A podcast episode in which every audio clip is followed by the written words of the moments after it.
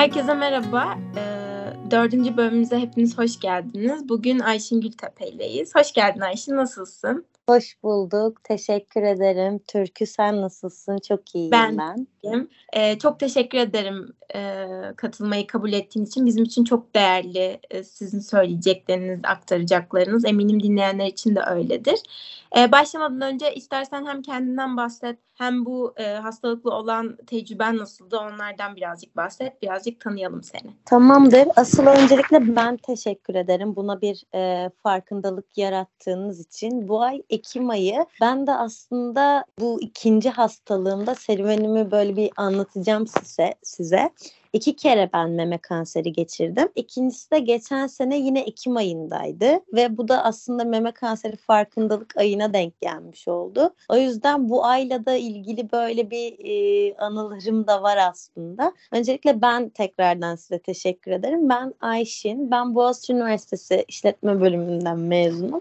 Ee, sonrasında özel sektöre geçtim. Şu an orada çalışıyorum yönetici pozisyonunda. Aslında benim e, meme kanseriyle tanışmam görece hani çok erken oldu. Yani bu, bu erken aslında kime göre erken diyebilirsiniz ama genellikle bu hastalığın yaşı biraz daha 40 yaşından sonra özellikle e, geçmiş yıllarda 40 yaşından sonra kontrollerin daha sık olması veya kontrole vurgu genellikle orta yaş düzeyinde oluyor doktorlar tarafında da. Benim özellikle ilk e, meme kanserine e, yakalanmam aslında ve bunu fark etmem 25 yaşında oldu. Ben sol göğsümde bir e, kan lekesiyle bunun farkına vardım aslında. Sonra da bu herkesin yaptığı gibi ben de Google'a yazma gafletinde bulundum. Aslında şöyle e, trajikomiktir ki hani şu genellikle Google'a yazmayın e, şey olur ve hep daha kötüsünü, öleceğinizi ve kanser olduğunuzu söylerler gibi bir klişe vardır ama bu klişe sayesinde aslında ben mememden kanlı akıntı geldi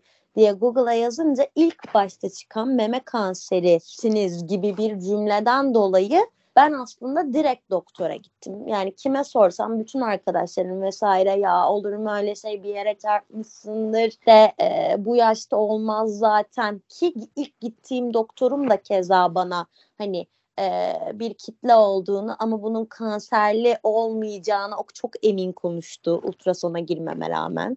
Sonrasında ben olduğum e, ameliyattaki biyopsi sonucu gelene kadar kimse aslında bana kanseri yakıştıramadı diyeyim. Sonrasında e, bir biyopsi raporu ve işteyim ameliyat sonrası. Her doktorum zaten ilk gittiğim doktorum her şeyin yolunda olduğunu ve 6 ay sonra görüşeceğimizi söyledi ve ben de bir hafta böyle mini bir ameliyat o kitle alımındaki sonraki ameliyattan sonra işe gittim ve normal bir cuma günüydü. Hiç unutmuyorum bir telefon ve işte gelebilir misiniz? Doktor sizi görmek istedi. Ben dedim ki hani bir 6 ay sonra görüşecektik. Neden acaba falan. Sonra gittim.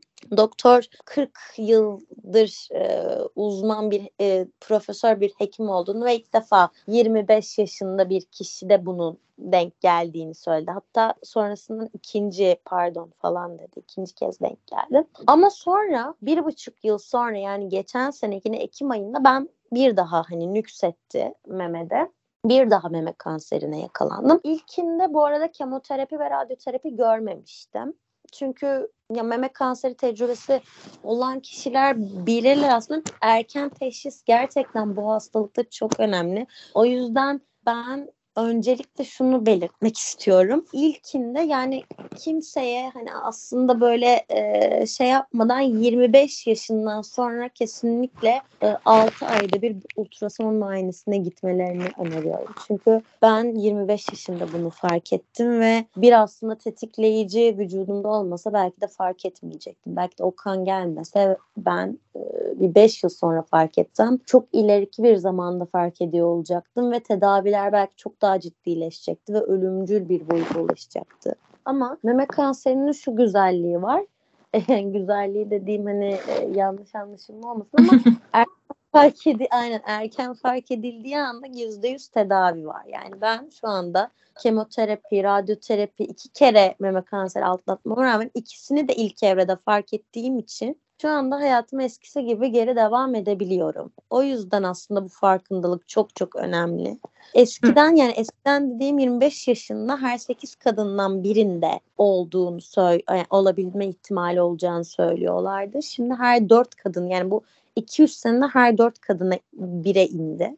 Ve artık buna kanser değil de böyle başka yani bir hastalık ve önlenebilir bir hastalık olarak bakılıyor. O yüzden ben ancak bunu söyleyebilirim. Yani kesinlikle e, kontrole gitmelerini ve bu kontrolle birlikte aslında yani olabil olabilme ihtimali var yani. Bu kesin bana gelmez bakış açısına sıyrılmak gerekiyor bence yani. Evet herkes öyle düşünüyor ya. Özellikle hani senin de mesela 25 yaşında e, tanı konulmuş. Hani düşününce bir işte 25-26 yaşlarında birine sorsan bir kadın sorsan yok ya benim daha gencim gibi bir düşünceye sahip olur muhtemelen ama aslında işte e, ne olacağı, nasıl olacağı ve ne zaman olacağı belli olmuyor. Hiçbir şeyde böyle bir şey yok. Hiçbir şeyi kontrol edemiyoruz. Ama aslında meme kanserini e, elle muayeneyle işte ultrasona giderek kontrol edebiliyoruz. Senin de örneğinde gördüğümüz gibi. O yüzden gerçekten önemli bunları e, vakit ayırmak. Zaten zannetmiyorum ki çok vakit alıyordur meme ultrasonu falan. Çünkü Ay, 10 dakika. Doktorlar o kadar artık uzmanlaşmış oluyorlar ki zaten anca şüpheli bir durum olursa bu biraz uzuyor. Hani o da ek tetkikler istiyor. Zaten hı hı. şey olmadığı durumda maksimum 10 dakika sürüyor bu. Yani ultrason. evet senede 20 dakikamızı ayırarak aslında hayatımızı kurtarabiliyoruz basit bir hesaplamayla. Ee, bunu önemsersek. Peki e, yani sonuçta gerçekten hani erken bir yaş diyebiliriz 25 yaşa. Bizim de bilgilendirmelerimizde hani 40 yaş ve üstü kadınlarda genelde görülüyor gibi ve bütün bilgiler bu şekilde. Peki senin hayatını nasıl etkiledi bu yani genç ve Nasıl baş ettin bununla? Nasıl başa çıktın? Ee, ilk duyduğumda gerçekten çevremde de olmadığı için bu ya bu arada klişelere gerçekten ben biraz bahsetmek istiyorum bu sorduğun soruya da yanıt vermeden önce. İşte genç yaşta olmaz, ailede varsa olur. İşte hiçbir belirti göstermezse zaten yoktur gibi klişelerle kesinlikle hareket edilmemesi lazım. Ya da işte 40 yaşından önce kontrole gidilmesine gerek yok gibi. Hani artık gerçekten hani çok yaşının küçüldüğünü bana doktorlarım da söylüyorlar. Ve ben her sene gittiğimde artık iki, ya yani 3 senedir 25 yaşında başladı bu serüven benim için aslında kontrol serüveni ve şu an 28 yaşındayım. Hiçbir şey olmadığı dönemde de keza ben kontrollere hep gitmeye devam ediyordum ve artık hani bana genç gözüyle bakılmadığını keşfettim hani. Çünkü eskiden böyle 25 yaş olunca bu 3 senede bu bile değişmiş. Yani artık 25-28 aralıktaki yaş meme kanseri için erken değil. Yani doktorların hepsi bu olağan gözle bakmaya başlamış yani keşfettiğim ve gözlemlediğim kadarıyla. Bu da demek ki artık ya gerçekten insanlar buna karşı farkındalıkla gidip erkenden bunu tespit edebiliyorlar ya da gerçekten günümüzde ya ikisi de korele büyük ihtimal de ya da günümüzde gerçekten erken yaşa düşmeye başladı ve ben de bunu ilk duyduğumda yani 25 yaşındaydım. 26 bile olmamıştım yani sonra sonlara doğruydu. Çok büyük bir şok olmuştum tabii yani direkt çünkü akla kanser eşittir ölüm olarak getirildiği için evre ne olursa olsun. İlk başta e, öğrenmeye çalıştım. Tabii ki doktorların bana anlatmasını, süreci anlamaya çalıştım. Meme kanseri ve kadın kanserlerinde özellikle aslında çok fazla sağ kalımın olduğunu hani anlayınca, öğrenince, bunun bir evre, bir süreç olduğunu öğrenince biraz daha rahatladım tabii ki. Onun haricinde ben şeyi öneriyorum. Hani Pi Kadın Kanserleri Derneği var. Orada mesela o derneğe e, ben üye oldum. E, o dernekle birlikte oradaki kadınlardan güç alıp aslında onlar ekstra ben bu arada şeye de gittim hani e, kendim özel olarak böyle bir destek aldım. Destek almak çok önemli. Psikolojik destek aldım. Ama aynı zamanda bunu söylemek istiyorum. Bu derneğin de e, gönüllü olarak hem psikolojik hem de beslenme ile ilgili e, yardımları ve yönlendirmeleri oluyor. O yüzden bu derneğe de kayıt olabilirler ya da bu dernekle ilgili oradaki farkındalık çalışmalarına da destek verebilirler. Bunu önerebilirim. O derneğe hani kayıt olup oradaki insanların azmini gördükçe de bu arada hani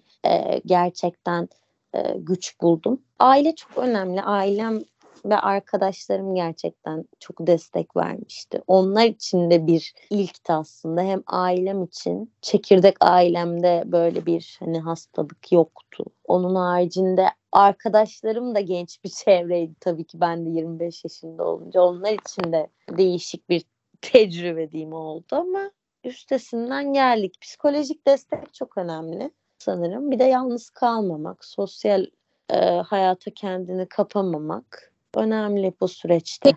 Bunlarla buldum. Çok özür dilerim lafını böldüm. Yani şöyle ilk bu haberi duyduğunda hani böyle kendini her şeyden geri çekip böyle kapatıp kabullenemediğin bir dönem oldu mu yoksa hani gerçekten ya tamam bu hastalık var ve ben hani bu hastalıkla baş edeceğim gibi bir süreç mi oldu? Yani hani hemen ya ben çünkü kendimi e, böyle bir durumda hani yerine koyduğumdaki koyamam tabii ki tamamıyla ama hani sanki böyle bir reddediş ve hani böyle bir her şeyden kendimi uzaklaştırdığım bir dönem olurmuş gibi geliyor. Hani ne yaşadın e, haberi aldığında o ilk başta?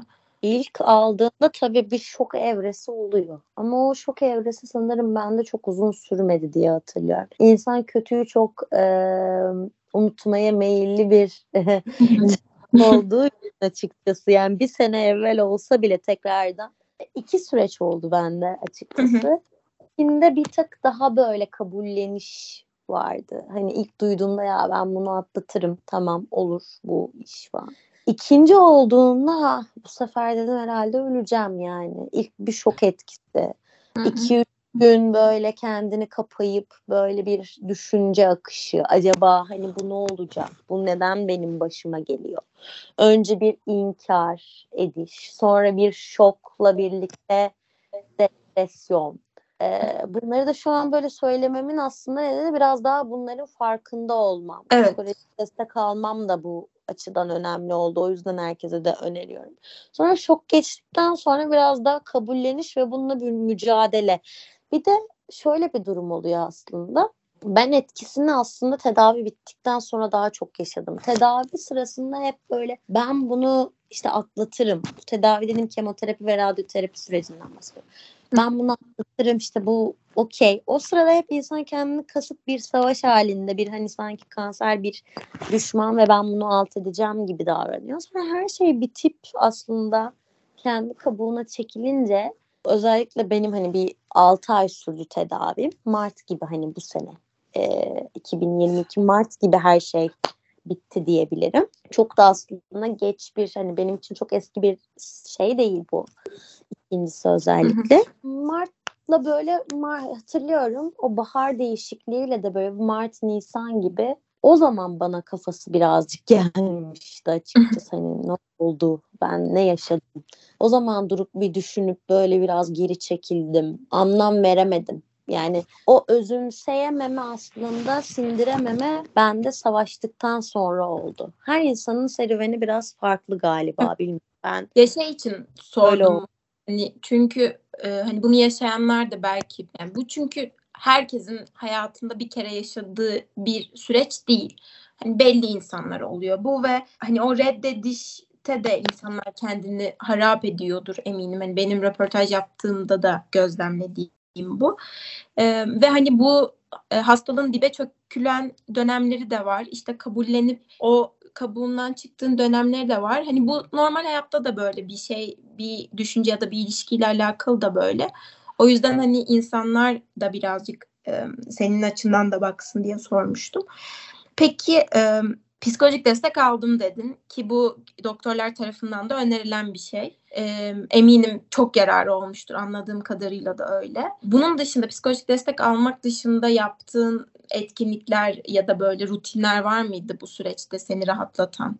Evet vardı. Ben böyle birazcık daha böyle sosyal insanın içinde olduğu veya insanlara böyle e, yardımda bulunacağım şeyleri ya da işte kendimi meşgale olarak gördüğüm şeyleri çok böyle seviyorum gerçekten. Bu zamanda da ben aslında birazcık da farkındalık yaratmak için YouTube videoları da çekmiştim hastalığımla ilgili. Ee, bu benim çok hoşuma gidiyordu. Aynı zamanda benim yemeğe olan düşkünlüğüm çok fazla var. o yüzden böyle yemekle ilgili Instagram'da paylaşımlar yapmaya başladım. Şu an hala bunları hani zamanı böyle hep Instagram'da paylaşım yapmak istiyordum. Hani böyle bir ufak çaplı paylaşımlarım da oluyordu.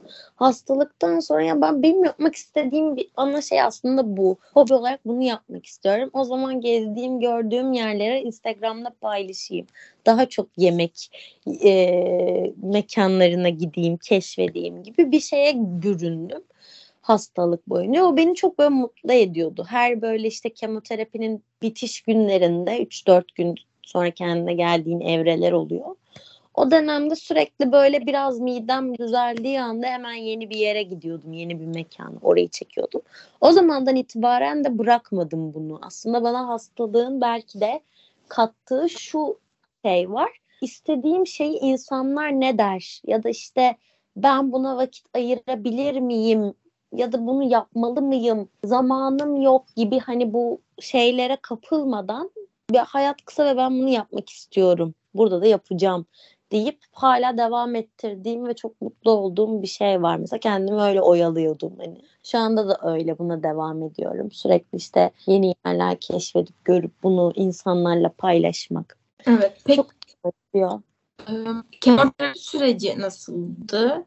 Zor muydu?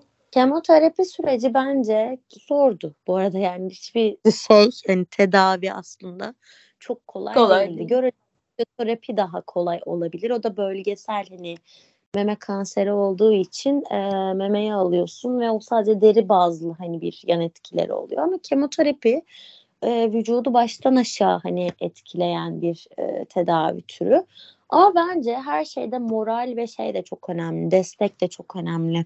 Kişiden kişiye çok değişebiliyor. Ama ben birazcık şeydim. E, hazırlıklı böyle sınavına hazırlıklı giren bir çocuk aslında genellikle böyle kemoterapiye hazırlandım işte. Peruk saçlarım çok önemliydi benim için o zamanlar. Şu an mesela gülüyorum ama o zaman mesela beni en etkileyen ilk sorduğum şey saçlarım olmuştu. İşte peruk ayarlamıştım. İşte kaşlarım için bir işlem yaptırmıştım.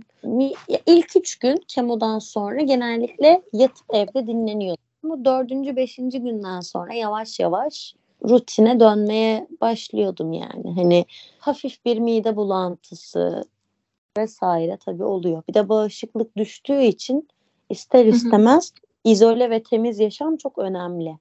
Yani orada. Bir tık daha normal bir insana kıyasla kendinize dikkat etmeniz gerekiyor tabii. Evet. Peki sona gelmeden önce dinleyicilere e, bu serüveninle alakalı, hastalıkla ilgili, tecrübelerinle alakalı neler söylemek istersin? Mikrofonu sana uzatayım. Ben neler söylemek isterim? Aslında erken teşhise vurgu yapmak istiyorum tabii ki. Yani bunu yaşamış biri olarak çevremdeki her kadına söylemeye çalışıyorum ama bu fırsatı verdiğiniz için tekrar teşekkür ederim. Şimdi bu dinleyen herkese söylemek istiyorum bunu. Kesinlikle yani 25 yaş bir sınırı olsun. 6 ayda bir e, hem meme ultrasonuna hem de aslında bir e, jinekoloğa görünmelerini kesinlikle öneriyorum. Çünkü e, gerçekten var olanı tespit etmek açısından doktora gitmek çok çok önemli. Bunu hani gidip bir sadece bir muayene, gidip bir var olan bir şey varsa ki düşük bir ihtimal yani e, var olan bir şey varsa dahi bunu erkenden fark ederlerse gerçekten hayatlarına devam edebilirler hiçbir şey olmamış gibi. O yüzden bunu ertelememelerini ve rutin kontrollerine devam etmelerini öneriyorum. Bunu hani bir e, görev ya işte bir veya okuldaki bir tudu olarak değerlendirmelerini isterim açıkçası. Bunu söyleyebilirim. Onun dışında da başka ne söyleyebilirim ne bir düşüneyim. de elle muayene tabii ki. Her regliden sonra nasıl hangi gün sonra ya da nasıl yapılması gereken 2-3 dakikalık videolar var. Çok kolay. Bunları yapmalarını öneririm. Yani çünkü hayatın akışında insan hep sağlıkla ilgili şeyleri çok geri plana atıyor ama bununla ilgili bir şey olduğunda da en önemli şey ne olduğunu keşfediyorsun.